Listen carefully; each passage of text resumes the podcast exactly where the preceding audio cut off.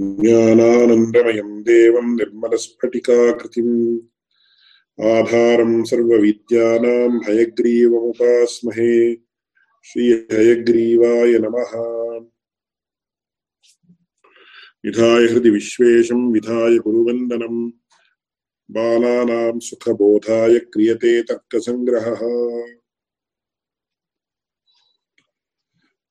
तत्र ह्यः अनुमानखण्डे प्रारम्भिको भागः पाठितः। अनुमितिकरणम् अनुमानं परामर्शजन्यं ज्ञानमनुमितिः पक्षधर्मताज्ञानं परामर्शः यथा वह्निव्याप्यधूमवानयं पर्वतः इति ज्ञानं परामर्शः तज्जन्यं पर्वतो वह्निमान् ज्ञानमनुमितिः व्याप्यस्य पर्वतादिवृत्तित्वं पक्षधर्मता इति तावत्पर्यन्तं पाठिनम् ततः परं तत्र अनुमानं द्विविधं, स्वार्थं, परार्थं चेति। इति तत्र अनुमाने द्वैविध्यं प्रदर्श्यते। तत्र स्वार्थानुमानं, परार्थानुमानम् इति। स्वार्थानुमितिः, परार्थानुमितिः इत्येव तत्र विभागः, कर्तव्यः आसीत् एकदृष्ट्या। परन्तु तत्र तर्कसङ्ग्रहकारैः अनुमानम् इति। अनुमानमेव द्विविधम्। कुतः चेत् तत्र एते सर्वे अपि व्याख्यायां चर्चायोग्याः विषयाः। अग्रे व्याख्यासु चर्च्यन्ते अपि। तत्र अनुमानम् इति यदि उच्यते, तर्हि तत्र व्याप्, अनुमानशब्दस्य व्याप्तिज्ञानम् इत्यर्थः। तर्कसङ्ग्रहे उक्तदृष्ट्या अथवा उक्त विवरणानुरोधेन अनुमानशब्दस्य अनुमितिकरणम् इत्यर्थः। करणं नाम व्यापारवत् असाधारणकारणं करणम् इति। नियम इति विवरणानुरोधेन व्यापारवत् यत् असाधारणं कारणं तदेव करणम्। एवञ्च अनुमितेः करणम् अन्नम्भट्टदृष्ट्या अथवा प्राचीननैयायिकदृष्ट्या व्याप्तिज्ञानं भवति। एवञ्च अनुमानं नाम व्याप्तिज्ञानम् इत्येवं भवति चेत् तत्र। तदानीं स्वा अनुमानं द्विविधं स्वार्थं, परार्थं चेति इत्युक्ते स्वार्थव्याप्तिज्ञानं, परार्थव्याप्तिज्ञानम् इति एवं भवति वा इति चर्चा चर्चा स्यात्। वास्तवतया व्याप्तिज्ञाने तावत् भेदो नास्ति। स्वार्थं वा भवतु, परार्थं वा भवतु। अतः तत्र अनुमानम् इति पदं न अत्र युज्यते। अतः अनुमितिः द्विविधा स्वार्थानुमितिः परार्थानुमितिः इत्येव तत्र वक्तव्यम्। इति अत एव केचित् विद्वांसः अभिप्रयन्ति। अत एव तत्र अनुमानपदम् अनुमितिपरम् इति। तत्र बहुषु स्थलेषु किं भवति इति चेत् तत्र यथा इदानीं, शास्त्रेषु बहुषु स्थलेषु कर्मणि द्वितीया इति पाणिनीयं सूत्रं वर्तते। तत्र कर्मार्थे द्वितीया भवति इति वैयाकरणाः वदन्ति। तार्किकाः वयं किं वदामः चेत् कर्मत्वम् इत्यर्थः, द्वितीयायाः कर्मत्वम् इत्यर्थः, कर्मा इति नार्थः, कर्मत्वम् इति अर्थः परन्तु अनुशासनं तु कर्मणि द्वितीया इति कर्म इति एव वर्तते खलु इत्येतत् अस्माभिः किमुच्यते? भावप्रधानो निर्देशः तस्य भावस्त्वतलौ इति तत्र सूत्रं वर्तते। कर्म, कर्मणः भावः कर्मत्वम् इति। कर्मत्वं मनसि निधाय तत्र कर्मणि द्वितीया इति अनुशासनं। पाणिनिना कृतम् इति तत्र अस्माभिः तार्किकैः उच्यते।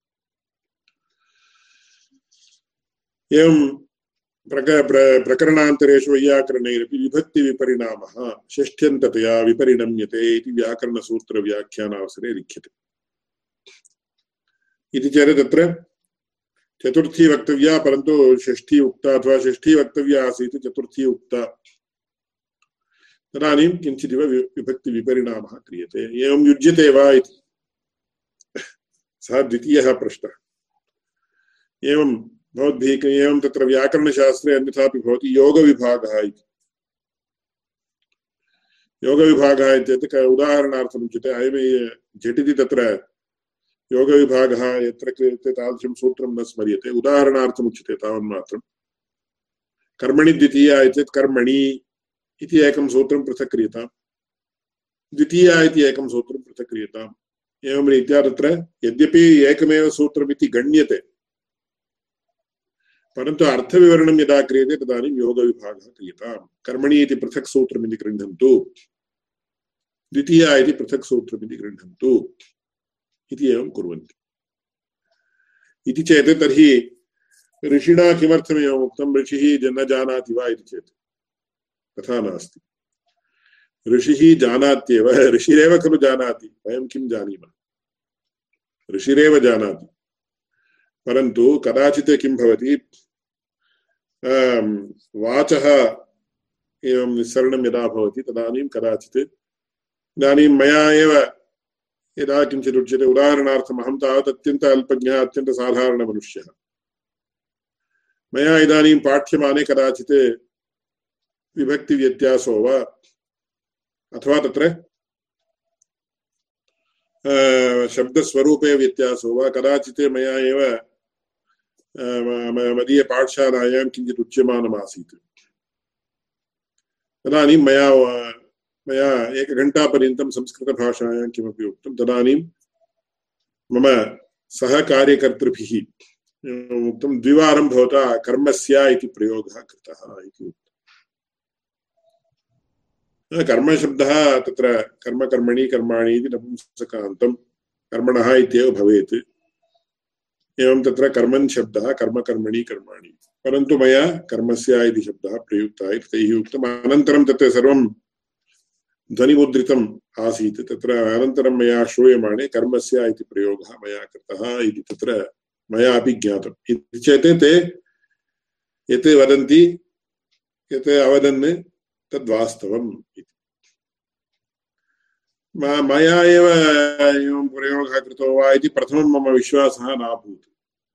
अनन्तरं ध्वनिमुद्रितमुद्रणस्य श्रवणे सति ओ मम मया एवं प्रयोगः कृतः तत्र अवशात् तथा आगतं यद्यपि अहं जानामि तथा। एवमेव तत्र अस्माकं तु एतादृशदोषाः साधारणाः, परन्तु तत्र ऋषीणां तथा भवति वा? इति चेत् तत्र अत्यन्त अन्तरङ्गमनस्कानां तेषां कदाचित् शब्दस्वरूपे वैकल्यं स्यात्, का हानिः? परन्तु तर्हि ऋषीणां तथा ऋषिभिः तथा कृतत्वात् अस्माभिरपि कर्तुं शक्यते, अस्माभिः दोषः क्रियते चेत् तदनु अनुमन्यते इति न मन्तव्यम्। अस्माभिः सर्वथा न कर्तव्यमेव। अतः तत्र, अत एव तत्र वाल्मीक्यादिमहर्षिभिः कदाचित् तादृशप्रयोगे कृते सति, अस्माभिः आर्षप्रयोगः इति गृह्यते। आर्षप्रयोगः आर्षः इति चेत् तत्र ऋषिभिः कृतः। कश्चन प्रयोगः व्याकरणशास्त्रदृष्ट्या तत्र असाधुः इति, अत एव असा, तत्रापि विचारः वर्तते। आर्षप्रयोगः असाधुः इति वक्तव्यं वा चेत् असाधुः इति न वक्तव्यम्।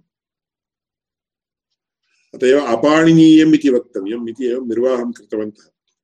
कदाचित् एवं बहुषु विद्वत्सु विद्यमानेषु कस्याञ्चित् सभायाम् एवं प्रश्नः समागतः। तदानीम् एकैः अतीव गरीयोभिः विद्वद्भिः उक्तं यत्र ऋषिभिः तत्र इदानीन्तनव्याकरणसम् असम्मतप्रयोगः कृतः। सः असाधुः इति न वक्तव्यम्, अपाणिनीयम् इति वक्तव्यम्। पाणिनिमहर्षिप्रोक्तव्याकरण अननुसारेण वर्तते, अथवा अनुसारेण न वर्तते इति एवं भावनीयं। तत्र असाधुः इति असाधुशब्दः तस्य ऋषीणां प्रयोगविषये न कर्तव्यः इति। किमर्थमुक्तमिति चेत् तत्र प्रसङ्गात् एवम् उक्तं, तत्र अस्माभिः तत्र कदाचित् असाधुप्रयोगाः क्रियन्ते तत्र ग्रन्थकृद्भिरपि तत्र विषयान्तरे दत्तमनस्कैः एवं रीत्या प्रयोगः कदाचित् क्रियते तत्र तावता तत्र ग्रन्थकारः न वा ग्रन्थकारः अल्पज्ञः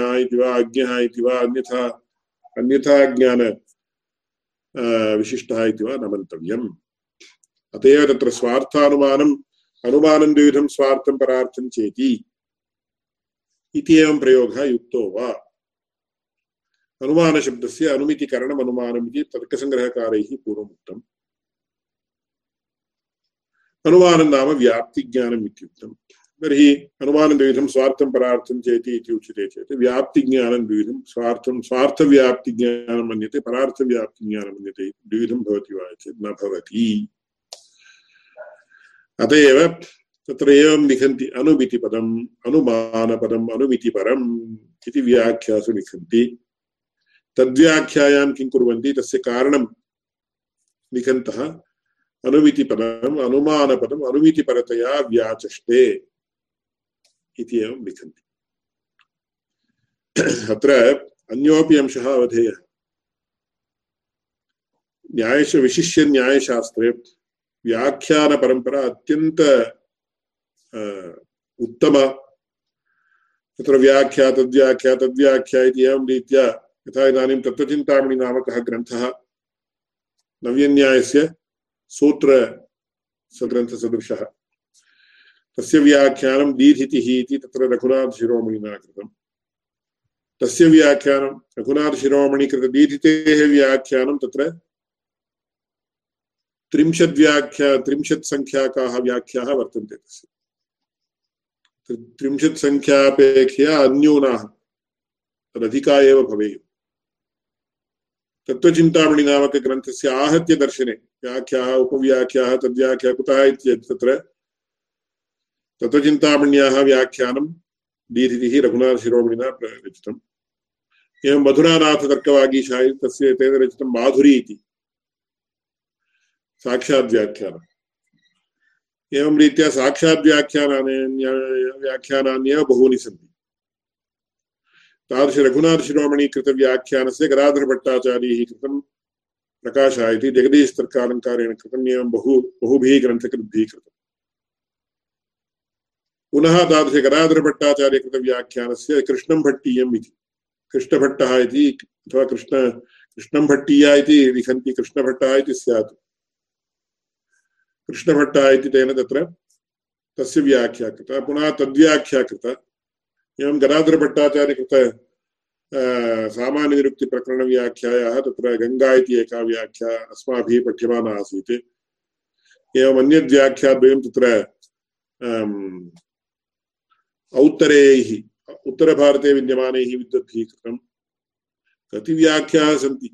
कति व्याख्या परम्परा आगता इत्येतत्?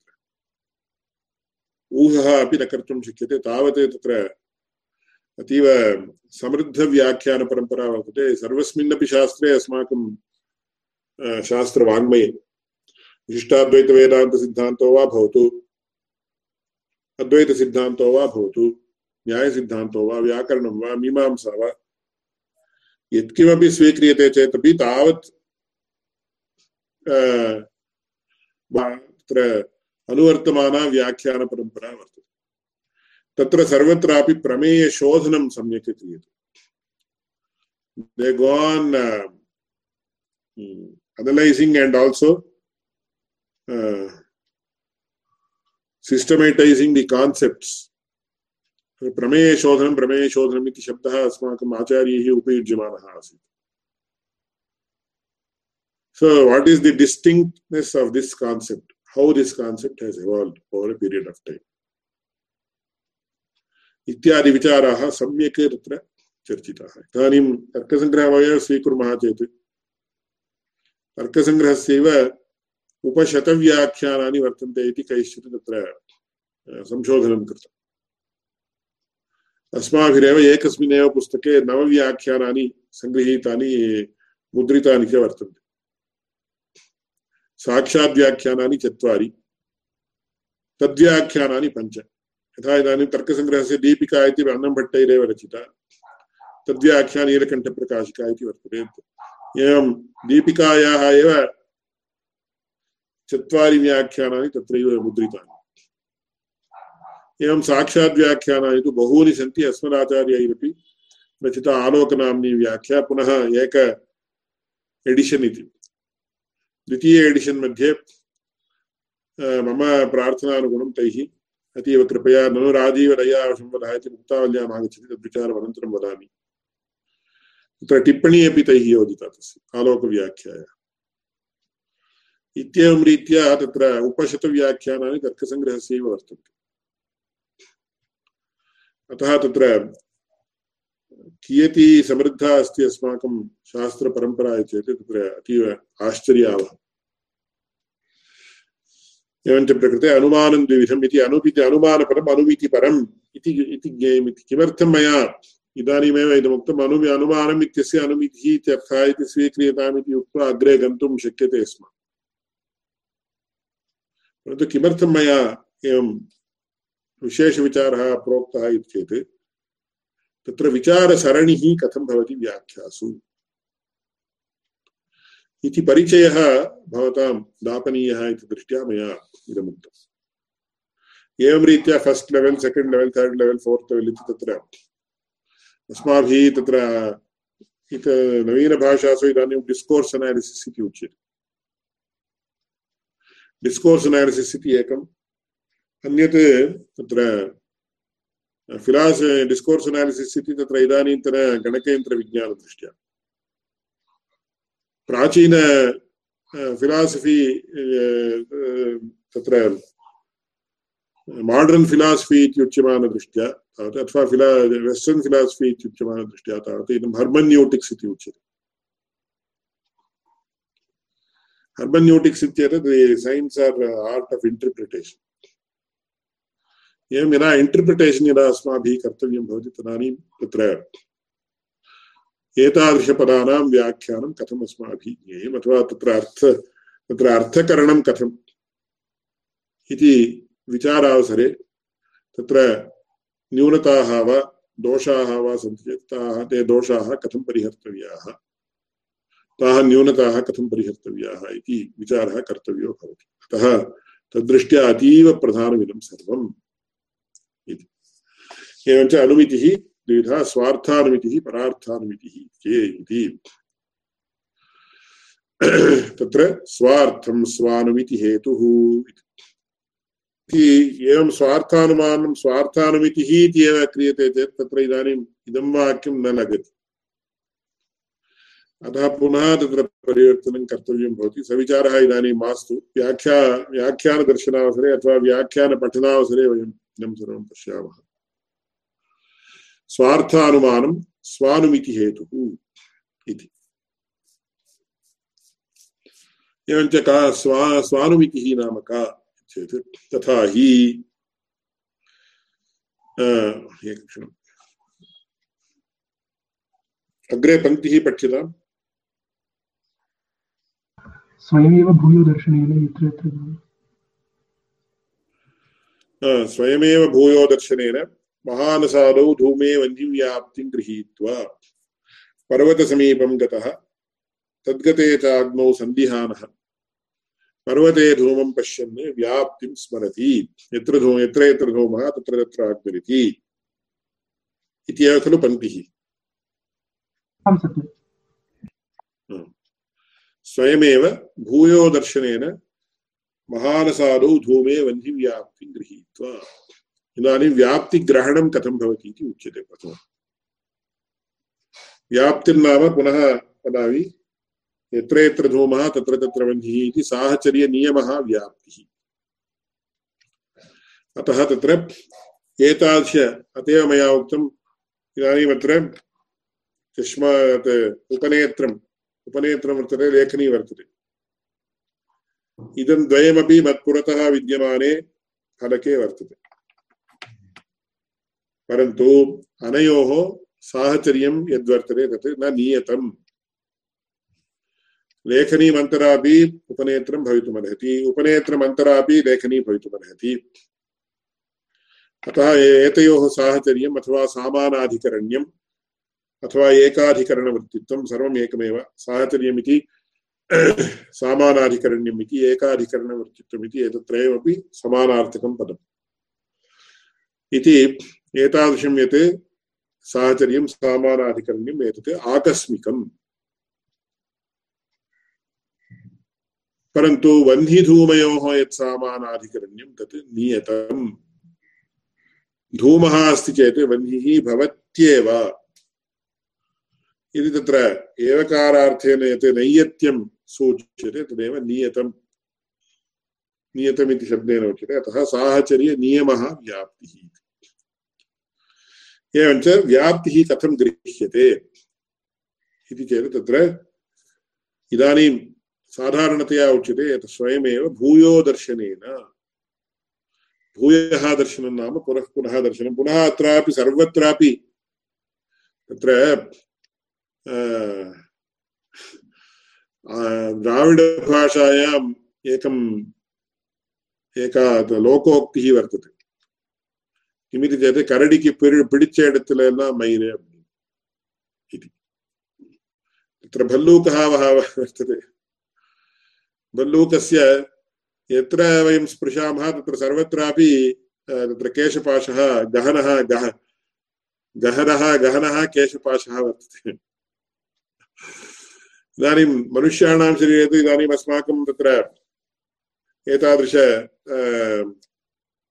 हस्ते केशाः न भवन्ति कस्यापि। अथवा एतादृशप्रान्ते केशाः न भवन्ति। परन्तु तत्र भल्लूकस्य तथा नास्ति। सर्वत्र तत्र शरीरं व्याप्य केशाः वर्तन्ते। अतः तत्र आङ्ग्लभाषा द्राविडभाषायां तथा उच्यते। एवमेव तत्र न्यायशास्त्रेपि प्रत्येकस्मिन्नपि पदे बहुशः विचारस्य अवकाशः वर्तते। अतः स विचारः व्याख्यासु कृतः पश्चात् पश्चात् विमृशामः अतः साधारणतया भूयो दर्शनेन इति विचारः अनन्तरं निराकृतः। भूयो दर्शनेन वहानुसारौ धूमे वह्निव्याप्तिं गृहीत्वा इति यदुक्तं तन्न न युज्यते इति अग्रिमव्याख्याकृद्भिः निराकृतः। स विचारः आस्तां तावत्। इदानीं तत्र स्वयमेव भूयो पुनः पुनः पुनः पुनः पश्यति। कुत्र महानसे पश्यति, चत्वरम् इति उच्यते, चत्वरे पश्यति। एवं यत्र यत्र धूमाग्नि भवतः, सः भवतः, तत्र सर्वत्रापि पश्यति। इति दृष्ट्वा किं करोति? स्वयमेव भूयो दर्शनेन महानसादौ इति महानसादौ इति। महानस इति तत्र नियमेन तत्र वह्निधूमे, धूमौ भवत, भवतः स्म। तत्काले।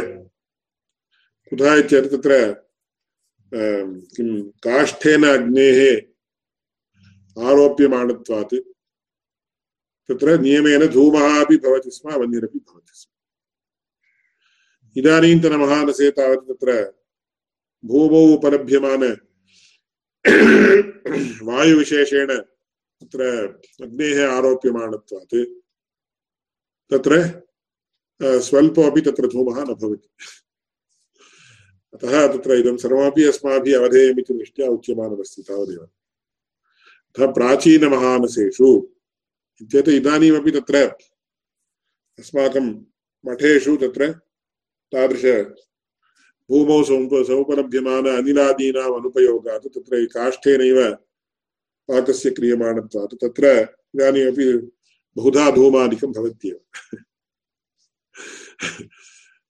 कुतः चेत् इदानीं यः अतीव लौकिकः अथवा इदानीन्तनबालानां विंशत्यादि समीपवर्ष वर्षीयाणां तावत् प्रश्नः भवेत्। किमर्थं महानसे धूमः? एव कदापि न दृष्टः खलु अस्माभिः। महानसादौ धूमे निव्याप्तिगृहीता इति तर्कसङ्ग्रहकारैः लिखितं खलु। कथम् एतत् इति मनसि जिज्ञासा स्यात्, तदर्थम् इदानीम् उच्यते अतः तत्र काष्ठेन यत्र अग्निः आरोप्यते। तादृशस्थले महानसादौ भूयो दर्शनेन इति। पुनः पुनः दर्शनेन। प्रतिदिनं पश्यति यथा इदानीं मया उक्तं खलु। हस्तिनः दर्शने हस्तिपकस्य स्मरणं। हस्तिपकस्य दर्शने हस्तिनः स्मरणम् इति कथमेवम् आगतम् चेत् प्रतिदिनं बहुदिनपर्यन्तं तत्र उभौ अपि तत्र सहैव दृष्टौ। हस्ति हस्तिपकौ तस्मात् तयोः विद्यमानः विलक्षणः गृहीतः। येन एकसम्बन्धिज्ञानम् अपरसम्बन्धिस्मारकम् इत्येवं रीत्या तत्र ज्ञानं भवति।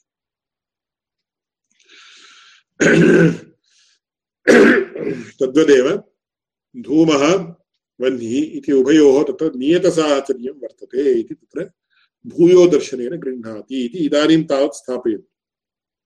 पुनः इति महानसा भूयो दर्शनेन। महानसादौ इति महानसादिः इति। महानसः इति प्राचीनकाल, प्राचीनकालिक तत्र पाकशाला, तत्र इति अर्थः। महानसशब्दस्य पाकशाला इत्यर्थः यत्र पाकः क्रियमाणो भवति, तत्र पाकशाला इति उच्यते। स एव महानसशब्देन व्यवह्रियते इति। तत्र शास्त्रं ये पठन्ति तेषां वार्तालापः समीचीनः भवति। चेत् भवति इत्यस्मिन् अर्थे समीचीनः अतः तत्र नैयायिकाः एव विद्यार्थिनः भवन्ति चेत्, अथवा तत्र विद्वांसः भवन्ति चेत्, तत्र अस्माभिः पृच्छ्यते स्म, ते किं कुर्वन्ति इति प्रश्नः क्रियते चेत्। कस्यचित् विषये साधारणतः तत्र अस्माकं दृष्टान्तभूमौ प्रतिष्ठिताः ते इति। चेत् तत्र यः तत्र वृत्त्यर्थं पाकं करोति पाकका पाचकः। पाचकविषये तथा चर्चा, अस्माकं दृष्टान्तभूमौ प्रतिष्ठिताः एते महान्तः इति व्यङ्ग्योक्ति। पाचककार्यं करोति इति वक्तव्यं। पाचककार्यं करोति इति अतीव किञ्चिदिव तत्र not a very prestigious job अतः अस्माकं दृष्टान्तभूमौ वर्तन्ते भो एते महाशयाः इति तत्र इदं सर्वं व्यङ्ग्योक्तिः अतः महानसादौ इति महारसः इति तत्र अस्माकं दृष्टान्तभूमिः इति तत्र इदं सर्वं विनोदा विनोदार्थम् उच्यमानं वचः अतः तत्र महानसादौ धूमे वह्निं व्याप्तिं गृहीत्वा ततः पर्वतसमीपं गतः। तत्र पर्वतसमीपे कदाचित् व्याप्तिः गृहीत्वा मनसि स्थापिता कुत्रचित्। अनन्तरं पर्वतसमीपं गतः, पर्वतसमीपं गच्छति तत्र। तद्गते चाग्नौ तदानीं धूमं पश्यति। धूमं सन्देहो भवति। ओ किमत्र वह्निः स्याद्वा इति सन्देहः इति। तद्गते चाग्नौ सन्दिहानः पर्वते धूमं पश्यन् व्याप्तिं स्मरति धूमदर्शनानन्तरं तत्र सन्देहः इति वा? सन्देहानन्तरं धूमदर्शनं वा इति। तत्रापि अस्ति विचारः। साधारणतया साध्यसंशयः पक्षता इति उच्यते। अग्रे आगच्छ आगच्छति विचारः। अतः तत्र संशयः भवति। अनन्तरं धूमं पश्यति। धूमदर्शनानन्तरं धूमं पश्यन्। तद्गते च अग्नौ सन्धिहारः पर्वते धूमं पश्यन्। व्याप्तिं स्मरति। यत्र यत्र धूमः, तत्र तत्र वह्निरिति एवं व्याप्तिस्मरणानन्तरं किं भवति? तदनन्तरं वह्निव्याप्य पर्वते इति ज्ञानं जायते। प्रथमं धूमं पश्यति। अनन्तरमेव किं, तदेव पक्षधर्मता ज्ञानम् इत्युच्यते। तदनन्तरं झटिति तत्र एकसम्बन्धिज्ञानम्, अपरसम्बन्धिस्मारकम् इति एवं दृष्ट्या तत्र किं भवति? यत्र यत्र धूमस्तत्र तत्र अग्निः यथा महानसः इति तत्र व्याप्तिं स्मरति। व्याप्तिस्मरणानन्तरं धूमः अस्य ध्वनिः भवत्येव इति व्याप्तिं स्मरति। इति वह्नेः व्याप्तिः धूमे वर्तते इति। वह्निव्याप्यो धूमः इति उच्यते तदनन्तरं किं भवति तत्र तादृशवह्निव्याप्तिविशिष्टो धूमः अत्र वर्तते इति उभय परामर्श तत्र व्याप्तिपक्षधर्मता उभय उभय व्याप्तिज्ञानपक्षधर्मताज्ञानाभ्यां मिलितम् एकं ज्ञानं भवति स एव परामर्शः परामर्शः इति वह्निव्याप्तिविशिष्टधूमः अस्मिन् पर्वते पुरोविद्यमानपर्वते वर्तते इति एवं तयोः उभय, उभयोः समग्रतया सङ्ग्रहात्मकः इति वा किञ्चित् वक्तव्यम्। तादृशज्ञानं भवति, स एव परामर्शः, अयमेव लिङ्गपरामर्शि उच्यते। लिङ्गम् हेतुः इत्यर्थः। परामर्शः इत्युच्यते चेदपि लिङ्गपरामर्शः इति समानार्थकम्। इति वह्निव्याप्य धूमानयं पर्वतः इति ज्ञानमुत्पद्यते, अयमेव लिङ्गपरामर्श इत्युच्यते। एवं लिङ्गपरामर्शानन्तरं तस्मात् पर्वतो वह्निमान् इत्यनुमितिरुत्पद्यते, तदेतत् स्वार्थानुमानम्। एवं रीत्या लिङ्गपरामर्श उत्पत्त्यनन्तरं पर्वतो वह्निमान् इत्यनुमितिः उत्पद्यते।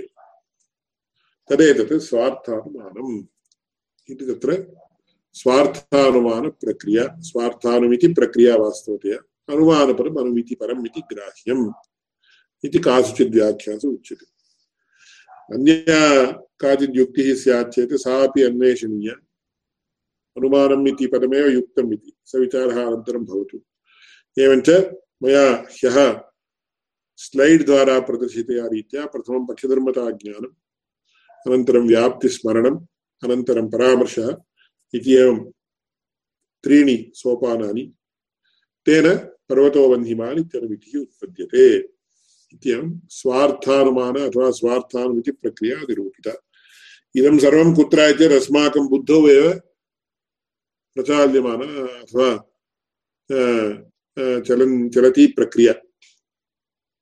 एवं सर्वापि प्रक्रिया अस्माकं बुद्धौ एव अस्माकं मस्तिष्के एव चलति इति तदेतत् स्वार्थानुमानम् इति। ततः परं परार्थानुमानं नाम किम् यत्तु स्वयमेव धूमादग्निमनुमाय परप्रतिपत्त्यर्थं पञ्चावयववाक्यं प्रयुङ्क्ते तत्परार्थानुमानम्। यत्तु स्वयमेव धूमादग्निमनुमाय। स्वयं धूमात् अग्निम् अनुमितवान् सः। धूमं दृष्ट्वा पर्वते वनिरस्ति इति सः ज्ञातवान् अनुमानेन अनुमानप्रमाणेन ततः परम् अन्यस्यापि बोधनं कर्तव्यम् इति चेत् किं कर्तव्यम् चेत् परप्रतिपत्त्यर्थं अन्यस्यापि पुरुषस्य पुरुषस्य नार्थः अन्यस्यापि मनुष्यस्य इत्यर्थः पुमानपि भवति स्त्री अपि भवति बालोऽपि भवति युवा अपि भवति वृद्धोऽपि भवितुमर्हति अतः परस्य प्रतिपत्त्यर्थम् इतरस्य प्रतिपत्त्यर्थं पञ्चावयववाक्यं प्रयुङ्क्ते।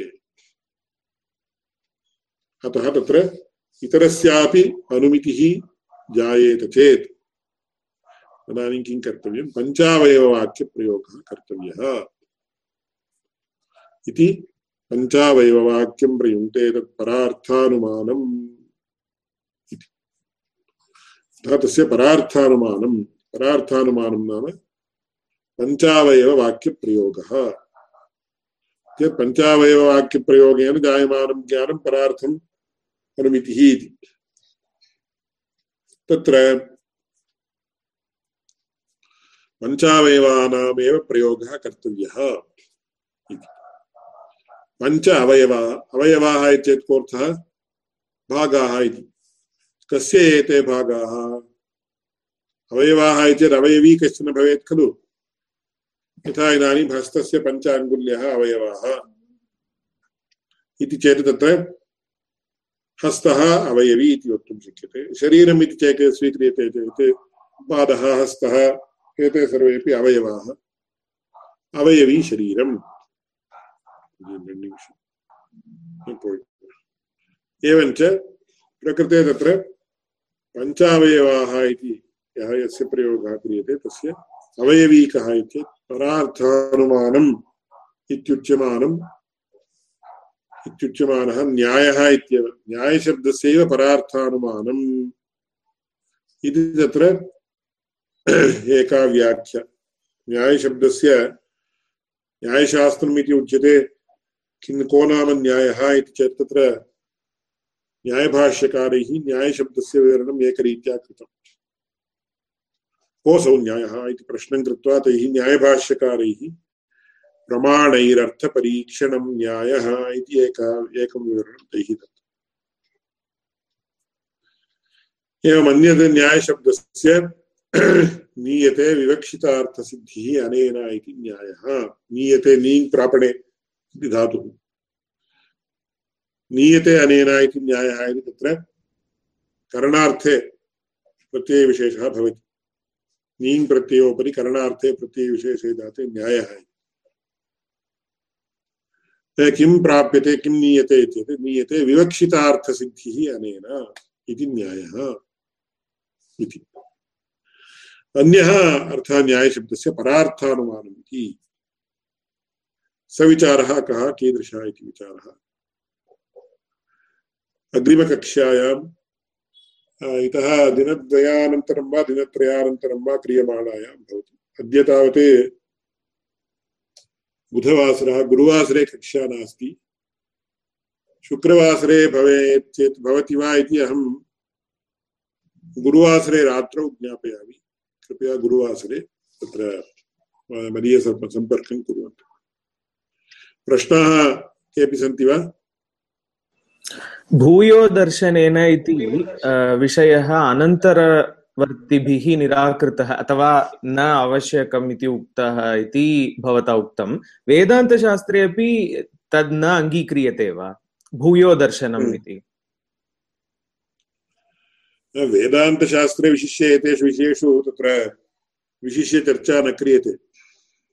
तत्र भूव्याप्तिग्रहणं कथं भवति चेत् न्यायशास्त्रे यदुक्तं तदङ्गीक्रियते प्रायेण। अतः अस्मिन् विषये विशिष्य वेदान्तिनाम एव आशयः इति अहं रीत्या नास्ति।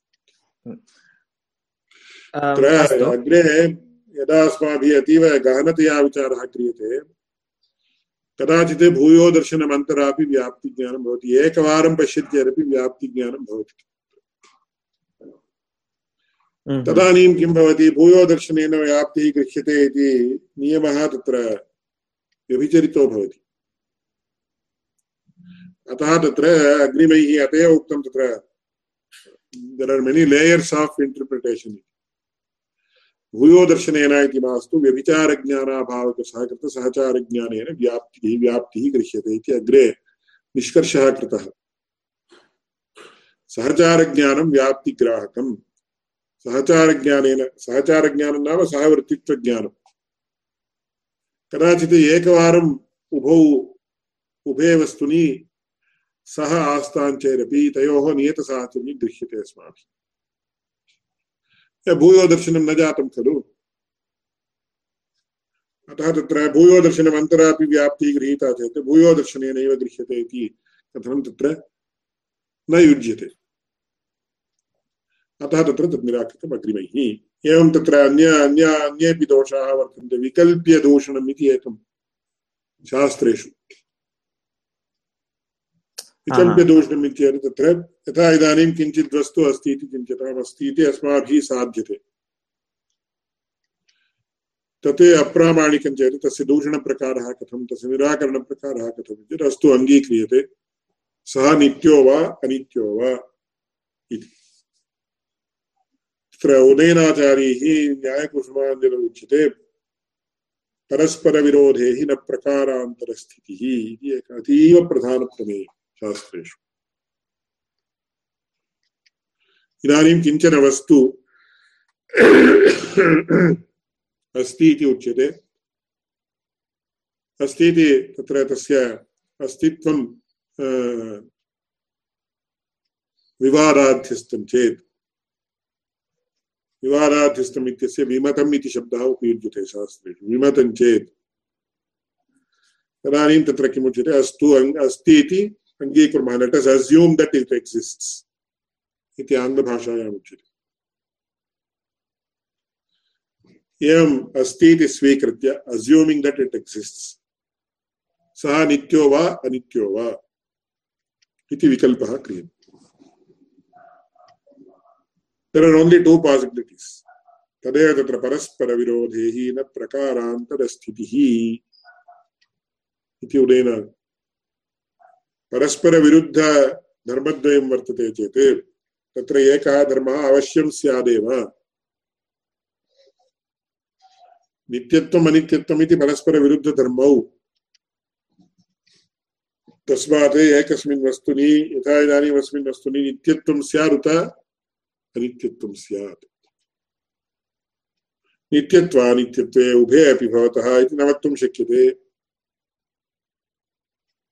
नित्यत्वमपि नास्ति, अनित्यत्वमपि नास्ति इत्यपि न वक्तुं शक्यते। अतः नित्यं वा अनित्यं वा? नित्यत्वमस्ति चेत् एते दोषाः सम्भवन्ति। अनित्यत्वमस्ति चेत् एते दोषाः सम्भवन्ति इति एवं नित्यत्वेपि दोषाः अनित्यत्वेपि दोषाः। तर्हि तादृशं वस्तु नास्ति इति अस्माभिः अङ्गीकर्तुं शक्यते। शास्त्रेषु विचारक्रमः कथं वर्तते इति अस्माभिः ज्ञातव्यम्। इति विकल्प्यदूषणम् इति प्रायः बौद्धैः प्रारब्धा प्रारब्धा इयं प्रक्रिया। परन्तु अस्माकमपि सम्मता वयमपि एतादृशक्रमम् अनुसरामः। यत्र अप्रामाणिकाः विषयाः इतरैः उच्यन्ते, तेषां निराकरणार्थं नैयायिकैरपि एते विषयाः उपयुज्यन्ते। अतः अत्र किं भवति? तत्र भूयो विकल्पं कुर्वन्ति भूयस्सु दर्शनम् इति वा? भूयः इति पुनः पुनः दर्शनं वा? भूयसां दर्शनानां समाहारः इति वा? भूयस्सु दर्शनम् इति वा भूयोभिः दर्शनम् इति वा? इति एवं विकल्प्य सर्वत्रापि दोषं प्रदर्श्य, दोषं समुद्भाव्य इति चेत् अविद्यमानः दोषः उद्भाव्यते इति नार्थः। दोषः अत्र प्रकटीक्रियते। एवं रीत्या दोषसद्भावात् भूयो दर्शनेन गृह्यते इति इति प्रायिकम् इति एकः शब्दः उपयुज्यते। सामान्यतः तथा वक्तुं शक्यते परन्तु शास्त्रीयदृष्ट्या यदा निरूपणं कर्तव्यं, तदानीं निष्कर्षः अत्यन्तम् आवश्यकः। व्याप्तिः भूयो दर्शनेनैव गृह्यते इति एवं निष्कर्ष, निष्कृष्टतया न उच्यते अस्माभिः। भूयो दर्शनेन गृह्यते इति प्रायेण इति प्रायेण इति अङ्गीक्रियते अस्तु अङ्गीक्रियते भूयो दर्शनेनैव गृह्यते वा इत्येतत् तथा नास्ति। कुतः तत्र एकस्मिन् अधिकरणे एकवारं दर्शनेपि कदाचित् व्याप्तिग्रहणस्य जायमानत्वात् भूयो दर्शनेन गृह्यते इति न युक्तम् अनुभवविरुद्धम्। तर्हि कथं गृह्यते? सहचारज्ञानेन गृह्यते। कीदृशसहचारज्ञानेन? व्यभिचारज्ञानाभावसहकृतसहचारज्ञानेन। किमर्थं तथा वक्तव्यम्? व्यभिचारज्ञानाभावसहकृतसहचारज्ञानम् इति किमर्थं वक्तव्यम् सर्वस्यापि विवरणम् अग्रे दीयते। हा हा सत्यं। तत्र मम समस्या अथवा संशयः एवमेव आसीत्। कथम् एकवारं दर्शनेन कथं तादृशं भवितुमर्हति इति। तत्र तद्दलस्य तस्य दलस्य प्रयोजनं भवति इति अहं चिन्तयामि। इत्युक्ते व्यभिचारः न न भवेत् इति दृढतया ज्ञानं व्यभिचारज्ञानं व्यभिचारज्ञानं न भवेत्। न व्यभिचारज्ञानं न भवेत्, तर्हि एव दृढनिश्चयः भवति, तत्र एव।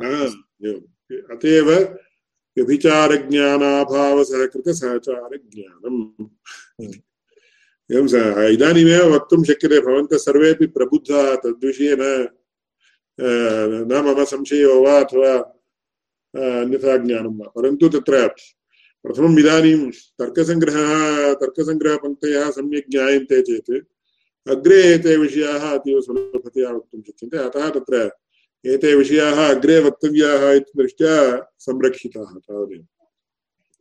तत् क्रमेण सम्यक्। परन्तु तत्र व्यभिचारज्ञानाभावसहकृतसहचारज्ञानम् अत्रापि वक्तव्यांशाः बहवः सन्ति।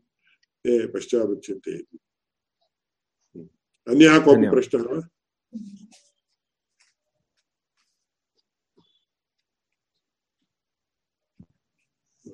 अन्यः प्रश्नः नास्ति इति मन्ये